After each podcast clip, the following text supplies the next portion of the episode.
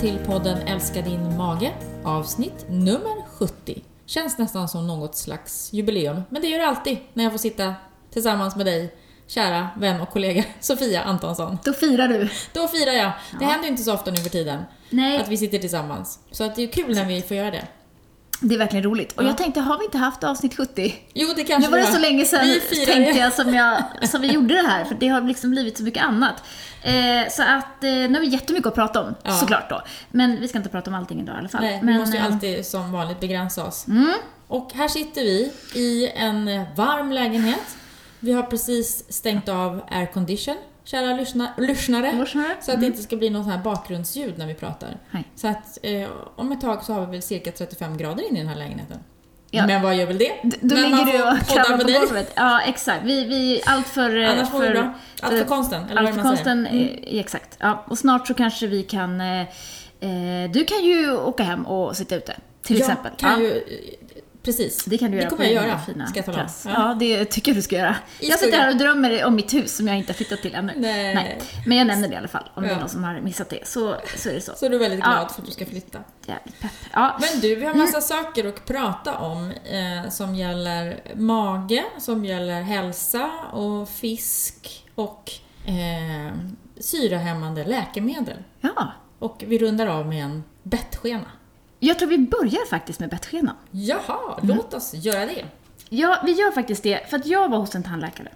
Som, eh, jag biter ihop käkarna. Mm. Det gör ju många människor. Säkert du också. Men du kanske inte har några uppenbara, liksom, att du inte besväras av det. Bara tinnitus. Ja, Exakt! Ja. Jag med! Alltså, faktiskt. ja jag Ja, har hört och att det kan bero på sånt, att man biter ihop. verkligen. Du är gammal flygvärdinna, Ja. jag är gammal dansbandssångerska. Ja. Vi har fått vår beskärda del av Skador på skador. Mm, Ja. exakt. Och då är det så här nämligen, för min sambo har också lite tinnitus och så pratar vi om det ibland och så är det verkligen så att man börjar tänka på det och då tänker man på det mer och mer och mer och så ligger man i sängen och så bara "Ah, Gud vad det tjuter nu. Och sen går det en period och tänker man inte alls på det. Då var jag hos en tandläkare, hon heter Marie Tullberg. Hon jobbar på Brahekliniken i Stockholm och jag tyckte hon hade så fin inställning. Nummer ett, hon har då gjort en pinne. Nej, hon gör inte den. En slöjdlärare gör den här pinnen. Och den heter då Gap Nap. Och eh, då är det så att den här sätter man in som en cigg. Alla ni som har rökt, den här sätter man in som en cigg mellan läpparna. Ja, men rakt fram liksom. Ja. Ja, Och så finns det små skåror då som man placerar läpparna i. Och så blir det som att man säger mm, mm. Och då åker käken, underkäken fram en mikro, mikro millimeter typ. Och då får man bort trycket. Dels på örat och vilket då kan påverka tinnitus. För det går jättenära då mellan liksom öra och käkben. Och eh, dessutom så, så kan man sova med den här i ett litet band om halsen. Och så trillar den kanske ur, men då kan man sätta tillbaka den igen. Just det. Och då biter man inte ihop käkarna lika mycket när man sover. Som en alternativ till bettskena kan man säga. Ja, Ja. exakt. Och det var det som var så tilltalande för mig, eftersom jag gillar ju inte att sätta plåster på liksom, symptomen. Och det tycker jag man gör med bettskena lite grann om man inte... Alltså, man tänker sig att det kommer någonstans ifrån. Mm. Stress, förmodligen. Eller ja. Ehm, och då vill man ju förs- försöka stressa mindre då. Ja, det är ju inte så lätt. Mm. Men det här var ju ändå så här, någon typ av så här, vi provar den här först. Och blir det inte bättre, då kan vi gå vidare och titta på kanske en bettskena. Nu har jag använt den här i typ en månad och den här kan man använda på dagen när man sitter framför datorn. Nu sitter vi ensamma allihop, så nu kan vi ha den här i munnen. Mm. Ja. Så sitter Det man inte och så här biter ihop för att man är så himla liksom på och Mm. fokuserad. Så nu har jag provat den. Jag tycker att mina käkar är mer avslappnade. Jag märker när jag inte sover med den där. Häromdagen hade jag ont i huvudet när jag vaknade till exempel. Eh, och då tycker jag att det är så himla enkelt. Och himla nice. Och jag tänker också för, för snarkare jobbar ju hon mycket med. Ja, och där blev jag också lite det. Mm. taggad. Att man faktiskt kan göra någonting åt snarkande som kanske ibland kommer eh, som en konsekvens av övervikt eller någonting annat så. Ehm, Så jag vill gärna rekommendera er, eh, och det här är ju inget eh, sponsrat inlägg på något vis, utan jag bara vill i all välmening rekommendera då Nu sitter hon alltså och håller upp den här lilla påsen och ser Ja. ut som att... Ja, som att jag säljer de Ja, här, precis. det gör jag inte. Nej. Men gapnap.se har jag lyckats se att där finns det en hemsida, man kan beställa där. Det finns också tydligen ett eh, inslag på Nyhetsmorgon. Jaha. Där Marie är och berättar om den här lilla pinnen och eh, mycket, mycket, mycket kompetent eh, kvinna. Eh, tandläkare eh, som har varit med, märker man, och kan och är väldigt liksom, ja hon är super. Jag fick verkligen förtroende för henne. Mm. Så att eh, innan ni går och gjuter av det här och gör bettskena för 5000 spänn eller vad det nu kostar och så Mm. ligger man och kanske inte känner sig så super attraktiv eh, när man har den där liksom i munnen och det är liksom, det är Mm. Jag tror inget en del roligt. också, man, just, och jag har haft bettsken också, att man, det är nästan man får den här lite känslan av att man nästan kvävs lite grann istället, kan jag tycka. Ja, visst. För den där ser ju väldigt sympatisk ut, det är ju bara en liten, liten pinne liksom. Ja. Och hon sa så här, hon var så rolig. Hon bara, du, ja nej, men alltså rökare har aldrig problem med, med, eh, med Mhm. hårda käkar eller spända käkar. För du vet, så fort man blir arg på, på chefen, då går man ut och tar en cigg. Och då står man med den här sköna avslappnade är alltså avslappnade, avslappnade underkäken. Ja, och då tänkte jag att jag ska inte börja röka, Nej. utan jag ska börja med gapnap. Och då, då provar jag den. Så att alla ni som har problemen, gör en sån investering. Jag tror inte den kostar så många kronor och då, det är ändå så här, ett första steg. Mm. Bra! Ja. Fint, tack för tipset. Ja, men det, det, så välkommen. Så Då välkommen. tycker jag att vi rör oss vidare ner i mag-tarmsystemet faktiskt. Ja, vi verkligen. började vid munnen. Eh, för att man har kommit, det har kommit ut en ny studie. Mm. Eh, en stor studie som jag tror också fortfarande pågår. Eh, där bland annat Sverige har varit involverad i det också. Där man ju har ställt frågan, både via webbaserade enkäter men även eh, intervju då, vad säger man, face to face, eh, omkring funktionella mag-tarmproblem. Intervjuat personer för att ta reda på hur många som har funktionella mag-tarmproblem. Och nu när vi pratar just funktionella mag-tarmproblem, vi pratar IBS, det är ju en av de diagnoserna. Funktionella, eh, sådana här funktionella problem kan ju också vara överdelsbesvär, halsbränna, reflux, eh, bara förstoppning, eh, bara gaser, eh, bara smärta. Man kan ju ha många olika varianter på funktionella åkommor i magen. Men det visar sig ju än en gång då, eh, kan man säga, att det är väldigt många som har den här problematiken som uppfyller kriterierna för i alla fall minst en av de här olika diagnoserna då. Och då ska vi komma ihåg att man har ju ofta flera samtidigt. Det är ju sällan man kanske bara har en enda. Just. Framförallt när det gäller IBS-klustret. Det är ju sällan man bara har uppblåsthet och ingenting annat. Det är ju nästan så jag skulle säga att Man har ofta Ja. flera saker. Men man kan ju ha en, en lös mage och inte så mycket andra problem. Det, det möter man ju ibland tycker jag. Eller att man, eller att, ofta är det kanske också att det är ett sy- symptom som är liksom det värsta. Det som är, man helst vill bli av med. Liksom. Det är smärtan som är den jobbigaste. Det andra det står man ut med, liksom, eh, tycker jag ofta. Men fyra av tio vuxna i världen har en funktionell mag-tarmsjukdom eller åkomma eller vad, disorder som det heter på engelska. Eh, med varierande svårighetsgrad. Och då har man tittat på 73 000 personer i 33 länder. Och det är ju intressant och skrämmande att det är så många som har magproblem. Ja men verkligen. Och det är ju, det är ju kanske någonting som vi, eller det vet jag i alla fall att jag har sagt i så många år när man har gjort liksom såna här magguider, de vanligaste magåkommorna. Ja men hur många är det då? Ja men då har vi IBS med typiskt 10, 15, 20, upp till 25 procent har vi vissa undersökningar där. Och sen har vi resten då eh, av alla överdelsbesvär mera kopplat. Och då har jag ofta sagt att ja men med dem tillsammans så är det säkert upp mot 50 procent. Ja, Ja, och det är ju, det, är ju vi börjar närma oss de siffrorna. Ja, kan man säga. framförallt när det gäller kvinnor då. Exakt. Ja. Och det, men det som också var lite intressant här, det var ju att de som har svarat på enkäterna på, via webben, där är det en högre andel som har, anger att de har problematik. Medan när man blir intervjuad så är det en lägre andel. Och då konkluderar ju Magnus Simrén, en, en av de forskarna här, med i den här att man, kanske är det så fortfarande att man tycker att det är, det är besvärande att prata om de här problemen. Det är lättare att fylla i en enkät över nätet än att sitta och berätta om sina magproblem. Vilket är rimligt, men det är också väldigt synd att det ska vara så. Men jag vet ju också, man säger alla de som söker med olika typer, typer av magproblem, alltså söker vård för det, där är det ju i runda slängar runt bara 30% som har en organisk bakomliggande orsak som har en, alltså en sjukdom i botten, inflammatoriskt eller man har gluten eller man har andra saker. Och den största delen där, det är ju funktionella besvär som man kommer fram till då så småningom.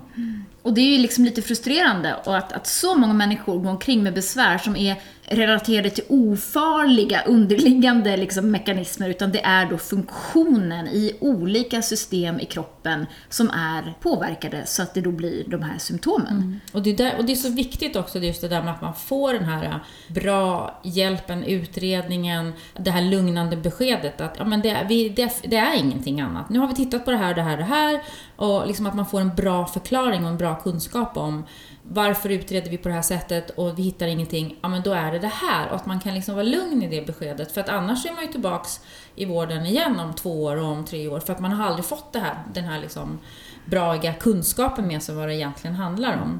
Som är så viktig just när man har funktionella besvär eftersom vi vet att stress och oro påverkar hur magen mår. Ehm, så, att, ja, så det är synd att det blir det där valsande runt i, i vården.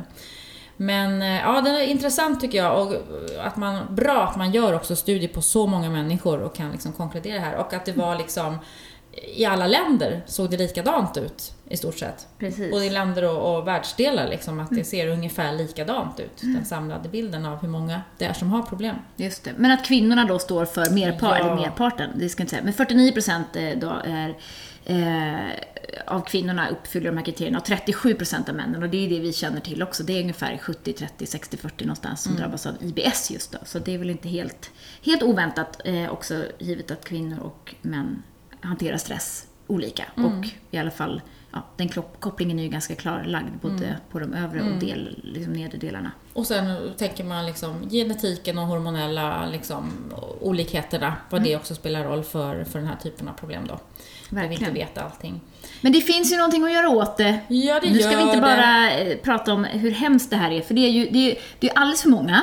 Det är alldeles för många som inte vet om mm. att det här som jag har, mm. det är inte normalt. Om vi nu ska använda ordet normalt, för det är ju... Ja. Liksom, ja. Mm. Det är det jag tänker så här. vi måste försöka få fler att förstå att det här, så här ska det inte behöva vara. Mm. Det går att få bra hjälp. Man ska inte behöva gå runt med den här typen av problem. Nej.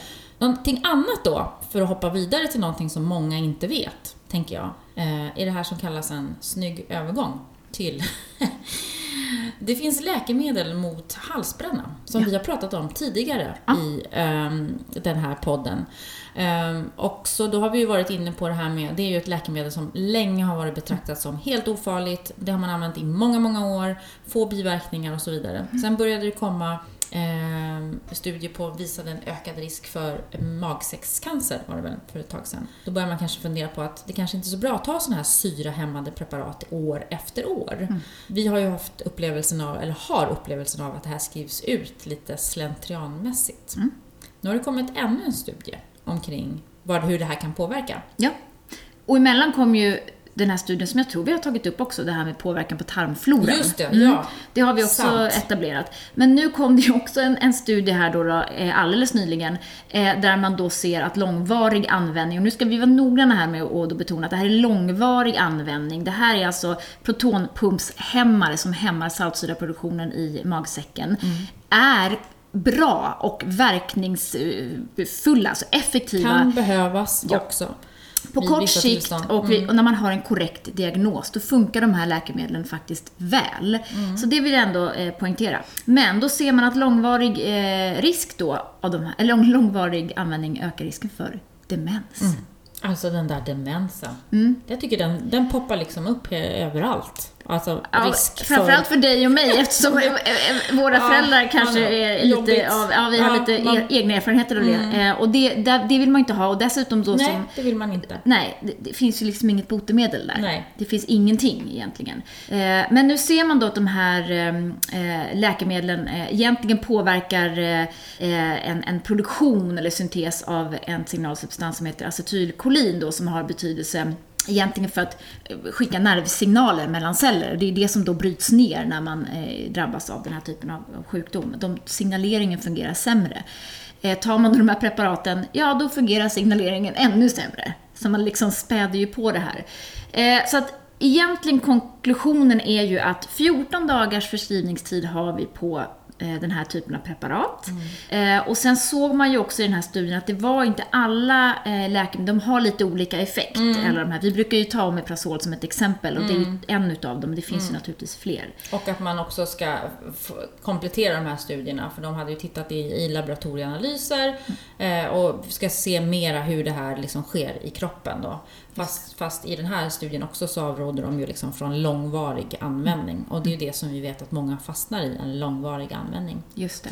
Och jag tror att en av orsakerna till att man gör det, det är att man inte har fått reda på att när man ska när och om man ska sluta använda dem så ska man trappa ner de här preparaten. Jag hör jättemånga som bara slutar tvärt. Och då kan effekten bli precis den motsatta de första, första tiden. Att du liksom, det blir lite rekyleffekt Ja. på magsyran. Och det är inte bra. Så att eh, trappa ner är det viktigaste när man ska sluta. Och vi pratade också om här tidigare att, att vi, vi tänker, eller vi förstår ju med de patienter vi möter att kunskapen om dosering och användning av de här preparaten är inte särskilt hög inom vården. Eh, det är lite som du sa, slentrianförskrivning. Vi vet ju att, att många forskare har konkluderat att det är en kraftig överanvändning och överförskrivning av de här läkemedlen och det är många patienter som inte alls har någon typ av liksom, kriterier för att få de här. Men man säger ändå, äh, prova dem där ska du se att det Se kanske blir det bra. blir. Eh, Så att lite mera då efterlyser vi korrekta då eh, behandlingsprogram och doseringar så man får lite hjälp och inte bara gå, gå och köp och testa. Det är ganska Och sen ospecifikt. är de ju receptfria, så det är också många som köper och testar. Och, och ehm, Verkligen. det är också bra att komma ihåg att, trappa ner sen när man vill prova. Mm. Eh, så, är bra. Det, det är mycket bra, så får liksom magsäcken en chans att vänja sig och produktionen går inte igång eh, överdrivet mycket. Eh, och det är någonting som jag tänker att många eh, missar med de där. Eh, så. så det var väl bra, men då, då har vi också en positiv nyhet och det är ju att frukt om man nu äter Omeprazol Ja. så ökar man, eller andra preparat, eh, så ökar man då risken för demens. Men om man då äter frukt och grönsaker. Och nu ska ni höra, man behöver inte göra det här från barndomen utan det räcker om man börjar i mitt i livet. Ja, mitt, i min ålder alltså. Ja, någonstans kring 50. Eh, då, då ökar eh, inte risken för att drabbas av demens. Utan då, Då minskar då risken. minskar den, precis. Speciellt bland kvinnor. Mm. Det, de, och den här har de också gjort i, eh, i Sverige, den Mm. här studien, i, på vårt Swedish Twin Registry. Ja. 3779 medlemmar har vi där. ja, Har fått svara på frågor. För 30 år sedan faktiskt För också. 30 år sedan. De har följt dem länge. Ja, men precis. Ja. Så att, eh, men det är ju återigen det här, allt som, vi, allt som vi inte vet. Eller vi vet Mm. ju egentligen, men ja, hur det här påverkar oss, vad vi äter och vad vi inte äter Mm. på lång sikt. Och att det, jag tycker det är, det är så ofta som, ja, till back to basic Mm. liksom. Vi ska äta den här typen av mat. Vi ska äta mycket vegetabilier, vi ska Mm. äta grönt och frukt och oprocessad mat. Vi hamnar ju tillbaks där hela Ja, tiden. hela tiden. Det, det går inte att, att nog påtala det. Nej. Och här var det ju då ändå så att man har sett att, att en medelstor eller stor portion eh, frukt och grönsaker eh, jämfört med då en liten eller ingen. Så det här är ju verkligen då de som faktiskt kanske inte äter varken några frukter eller grönsaker alls. Nej, de finns ju. Verkligen. Mm. Mm. Och det, där, här kan man göra ganska mycket då. Det här med ett äpple om dagen. Det kanske inte ter sig så dumt eh, om man inte har IBS då naturligtvis. Då, Då får man ta en banan om En dagen eller någonting om sånt istället. Men det finns ju ändå, jag, jag känner ju, jag kan ju ibland drabbas av en viss hälsoångest i då, för alla möjliga konstiga diagnoser. Ja. Det finns ju ändå vet vi. ganska mycket som vi kan göra Jag kan bara själva. bekräfta dig i detta. Självinsikt är ju bra i alla fall. Ja, oh ja. Ja. ja, det har mycket sånt. Men du kommer ur ångesten sen också, det är bra. Väldigt Du snabbt. kommer in i den och så kommer du ur den. Ja. Jag sitter inte och ältar och så här, utan så fort någon annan tar min uppmärksamhet så oj vad kul! Och så, så har jag glömt bort det där. Det är bra. Ja. Eh, Det finns saker man kan göra. Makten ligger hos dig själv och det du stoppar i munnen. Det Så kan vi det. återigen konstatera. Så är det. Vi är sponsrade av Dofilus, yoghurten med tre tillsatta bakteriekulturer som ju gör så gott för din mage. Ja, och det är så roligt för idag satt vi här, tre dietister. Vi brukar ju tjata om hur mycket vi tycker om att äta det här på sommaren när det är varmt. Tre dietister som åt lunch. Vad åt de? Yoghurt med bär, lite frö, lite nötter. Åh, så gott. Ja, det var verkligen gott. Det var det. Mm, och framförallt nu när det är så himla, himla varmt. Mm. Eh, prova Dofilus, 2,5 deciliter kan man prova morgon och, och kväll och så provar man det under en period och så får du se hur, hur eh, det känns i din mage. För oss känns det ju fantastiskt. Vi är sponsrade av Alflorex, ett probiotiskt kosttillskott med bifidobakterium longum 35624 som då också rekommenderas eh, vid IBS av World Gastroenterology Organization. Bifidobakterier är ju mycket, mycket bra, viktiga och verksamma i tjocktarmen där de minskar inflammation och de hjälper faktiskt till att bryta ner FODMAPs också och öka produktionen av det som ju vi brinner mycket för, nämligen smörsyra. Så vi vill ha mycket bifidobakterier i vår tjocktarm och det kan man då göra antingen genom att ta tillskott med Alpharex. Eh, man kan också se till att äta mycket prebiotiska eh, grönsaker och då en av de som är låg FODMAP. Så ta och testa Alflorex. Vi använder den ofta som ett tillägg till eh, eh FODMAP-behandlingen eh, med gott resultat. Och då är rekommendationen att prova Alflorex i minst fyra och gärna åtta veckor och sen får du utvärdera. Lycka till! Hur går det med köttmarknaderna i Peking? Ja men alltså, jag har inte varit där för nyligen. Nej, okay. Tänkte inte åka dit heller. Nej, Nej, men alltså, ja, jag vet inte om det... Ja, det känns ju som att man skulle behöva ändra på lite hantering av livsmedel på dessa marknader. Ja, det alltså, tycker så. jag också. Så, här, så här kan det också vara ibland, att saker som har fungerat i väldigt lång tid, liksom i, tidigare i flera hundratals år och så, så säger man, ja men så har man ju alltid gjort. Men sen händer det ju saker och vi lär oss saker och vi blir klokare och så kanske det kommer, vi ställs inför till, till exempel då ett virus som vi kanske inte haft tidigare på det sättet, som gör att vi måste ändra vissa levnadssätt. I uh, vissa delar i världen så kanske man behöver ändra på marknader, i andra delar av världen behöver vi ändra på andra saker, använda av antibiotika eller sådana saker. Så att vi kanske liksom, det är ju där, man kan ju inte bara säga så här, nej men det har vi alltid gjort, det har alltid gått liksom. Mm. Så det kanske inte går alltid längre, när Nej. vi lär oss nya saker. Mm. Exakt. Ja, men det här är ju, det här är ju, det kom ju ut en artikel här för, för ett tag sedan nu om att de hade hittat då, eller spårat eh, nya smittfall till Peking och köttmarknaden då, Kinfadi, mm. kanske? Eller kanske. Ja, mm. den, den här stora rackaren då, där de har då... Men då var det på fisk? Ja, precis. Då var det på lax? Ja, eh, skärbrädor för importerad lax då. Mm. Och den lax man importerar till Kina, den är ju från Norge. Mm. Ja. Den har åkt en bit. Ja, mm. första klass. Eller? Eller inte. Nej. Förmodligen inte. Förmodligen inte. Men, ehm, men, och då var det ju naturligtvis kris i Norges fiskindustris... Eh, Aktierna ja, störtdök. Ja, ingen vill äta norsk lax mm. längre. Och jag tyckte, gud vad bra! Ja, så att jag skrattade skadeglatt. Ja. Nej, och sen var det ju, måste vi säga då, att det, det blev ju då dementerat ja. av norsk i alla fall, vad vi, vi, har inte, vi kan ju inte säga att vi har dykt djupare i liksom och forskat, utan vi läser ju mer lite gäng, här vanliga artiklar om detta. Mm. Men det blev dementerat i alla fall. Så kan mm. det ju ha varit. Men verkligen. Men däremot så kom det ju en annan intressant um, artikel upp nyligen här att uh, eh, miljöpåverkan av den eh, laxproduktionen, alltså klimatavtrycket, mm. det ökar ju numera. Liksom, så. Man tänker att man ska gå åt det andra hållet ja. när man odlar lax och med allt eh, skäll de har fått. Men mm. så har det tydligen inte gjort i alla fall. Nej, och då, man tänker ju att eh, de, de vill ju gå mer mot växtbaserat naturligtvis. Eh, och det kan jag tycka är trevligt om man nu ska gå bort från, från att fiska till fisk på något vis. Just det. Att inte fiska ur Östersjön på liksom, sill och ge till laxen. Men då är det ju inte så att de äter liksom, norskodlad soja. Nej. Nej. Utan då blir det ju importerad soja. Mm. Alltså norskodlad soja, det var en contradiction. Ja, exakt. Den finns ju inte. Finns ja, men kanske i ett växthus så småningom. Så småningom, ja. Hos en liten norsk bonde. Ja. På fjället. Mm. Ja, jag, jag tror jo, att det är ganska dåliga odlingsförhållanden för soja överlag i Norden. Ja, men jag, jag menar, snart har vi det. Ja. Trust me, det kommer ju komma det också. Ja. Snart har vi bara växthus överallt. Fast då kan vi, vi kan ju använda våra sorter då, gråbönor och ärtor och allt vad det heter. Exakt. Gråärtor heter det. Istället för så. Ja, vi behöver um, 400 000 miljarder ton i per dag till laxodlingen. Ja, precis. Ja, så att vi, tyvärr. Men kanske ska sluta med laxodling då, eller? ja, om sa de i. Men i alla fall, så, eh, eh, så är det ju så då att eh, det här med att man går över till växtbaserat, och det spelar ju egentligen ingen roll om det är lax eller om det är människa, det betyder ju inte att det blir en mindre klimatpåverkan. Eh, jo. Ja, det, det, okej. Nu säger, nu ja, omformulera. Jag omformulerar.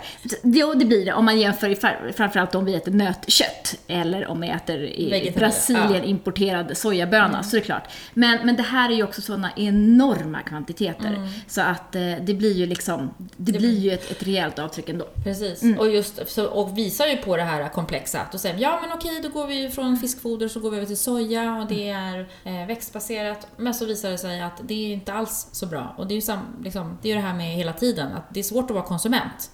För Verkligen. då eh, är det något annat som inte är så bra då när man väljer, visar det sig ju ibland. Så är det, det är inte att, eh, helt lätt. och, där, och så, så, då har de ju, när man jämför klimatavtryck eh, så är ju då från europeisk produktion så är det ju nötkött och gris har ju större klimatavtryck, det tror jag, än, än det mesta.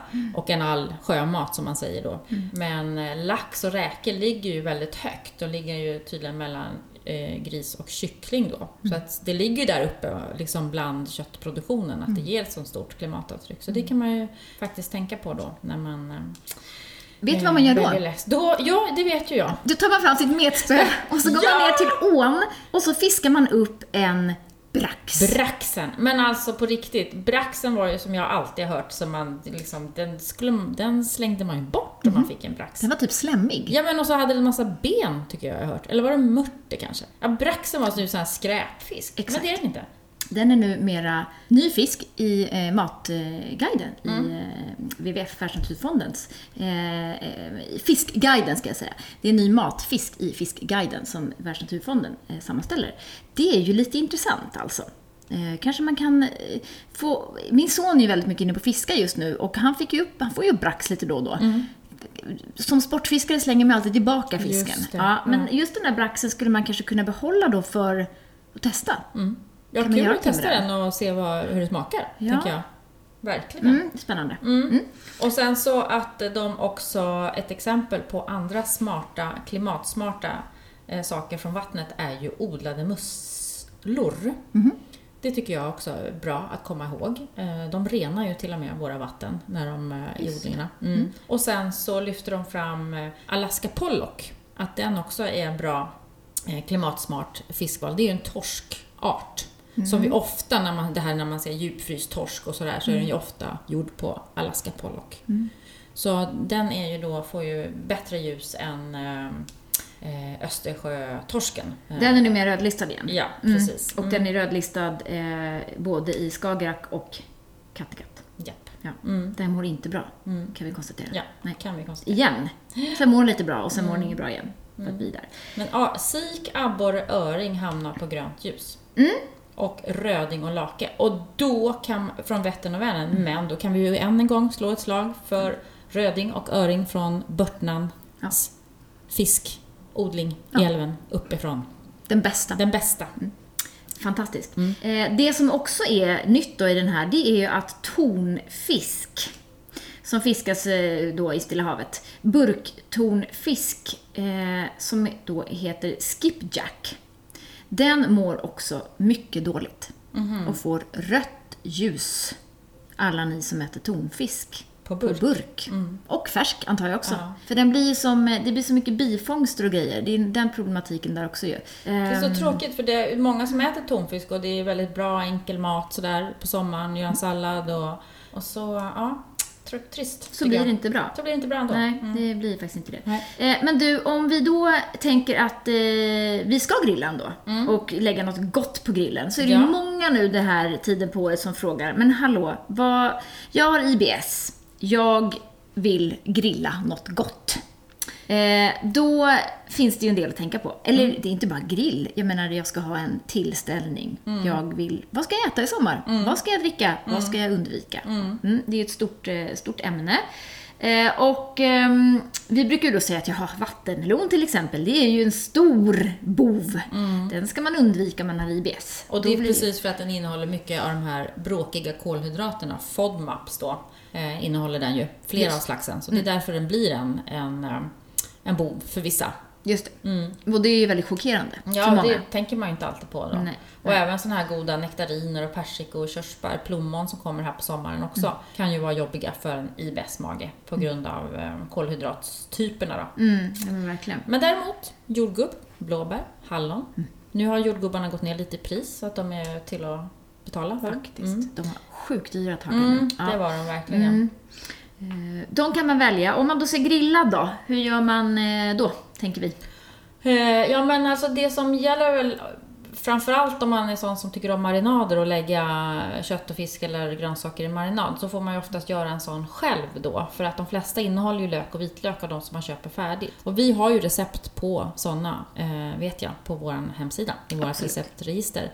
Vi har ju också en olja, en vitlöksolja, en lökolja man kan köpa som är rätt koncentrerad som man ju kan använda för att ge den här vitlökssmaken.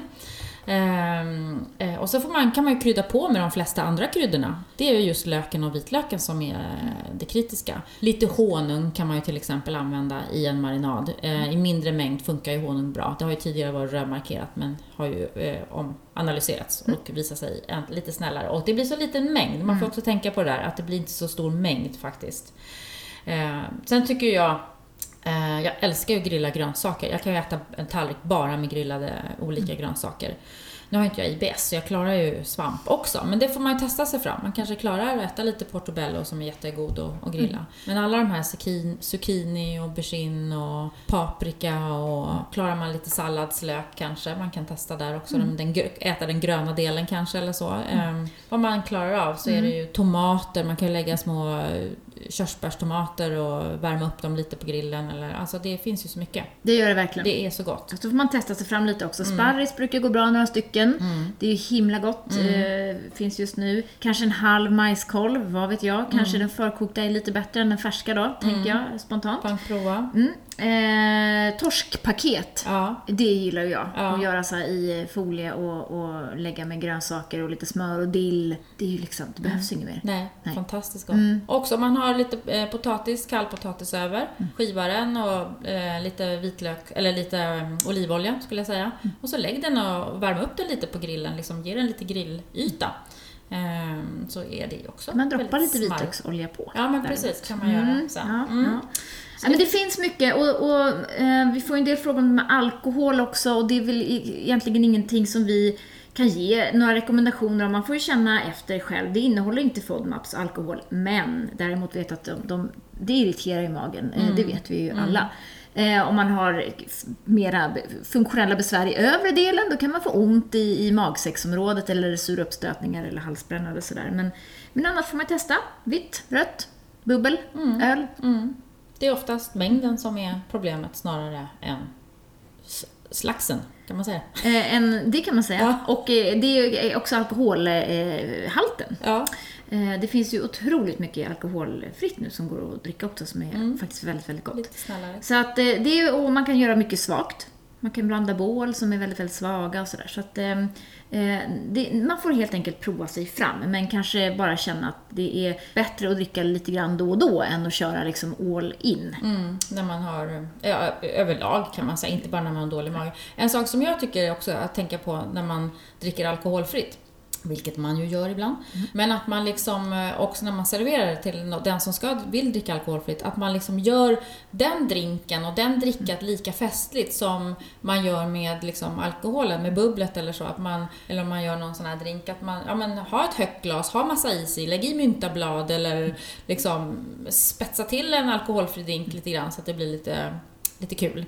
Jag fick faktiskt en alkoholfri drink igår eh, som min kära kärlek gjorde till mig. Eh, och han hade blandat ihop lite flädersaft och lite tonic och lite sodavatten och la i några eh, jordgubbar eh, och massa is. Det var jättegott. Det är ju ren kärlek. Det, det var kärlek. Ja. ja, det är det. Jag ska göra mig en sangria här alldeles strax. Med alkohol. Med alkohol Ja, faktiskt. men, den blir ju också svag för man blandar ut den. Ja, och så lite kryddigt liksom. Mm, det, det. det, det, är svalt. Svalt och gött bara. Gött. Så att eh, känn efter och, eh, och begränsa er inte onödigt utan känn att ni kan, det går att äta en sparris till exempel. Det går att äta, dricka ett halvt glas vin. Mm. Just det. behöver inte vara liksom svart Antingen eller vitt här. Nej. Verkligen inte. Ja. Och så grillar ni försiktigt i sommarvärmen och Just torrheten det. nu. Ja, verkligen. Och med dessa ord vill jag tacka för idag. Tack. Tack för eh, god ordning i klassen. Bra följd agenda. Ja, Eh, trevligt att eh, sitta här och podda med dig idag. Nu kommer jag om typ 30 sekunder gå ut och lägga mig i korridoren på stengolvet och flämta i Ja, värmen. Det är rätt varmt faktiskt just Ja, nu. det är det. Eh, men men, vi hörs ju snart igen höll jag på att säga. Men vi gör ju ett litet poddavsnitt här mitt i sommaren, tänkte vi. Absolut. Mm. Och vill ni veta mer om oss, gå in på bellybalance.se eller ladda ner vår fantastiska app som heter bellybalance.se och den hörni kommer faktiskt med en uppdatering här alldeles inom kort.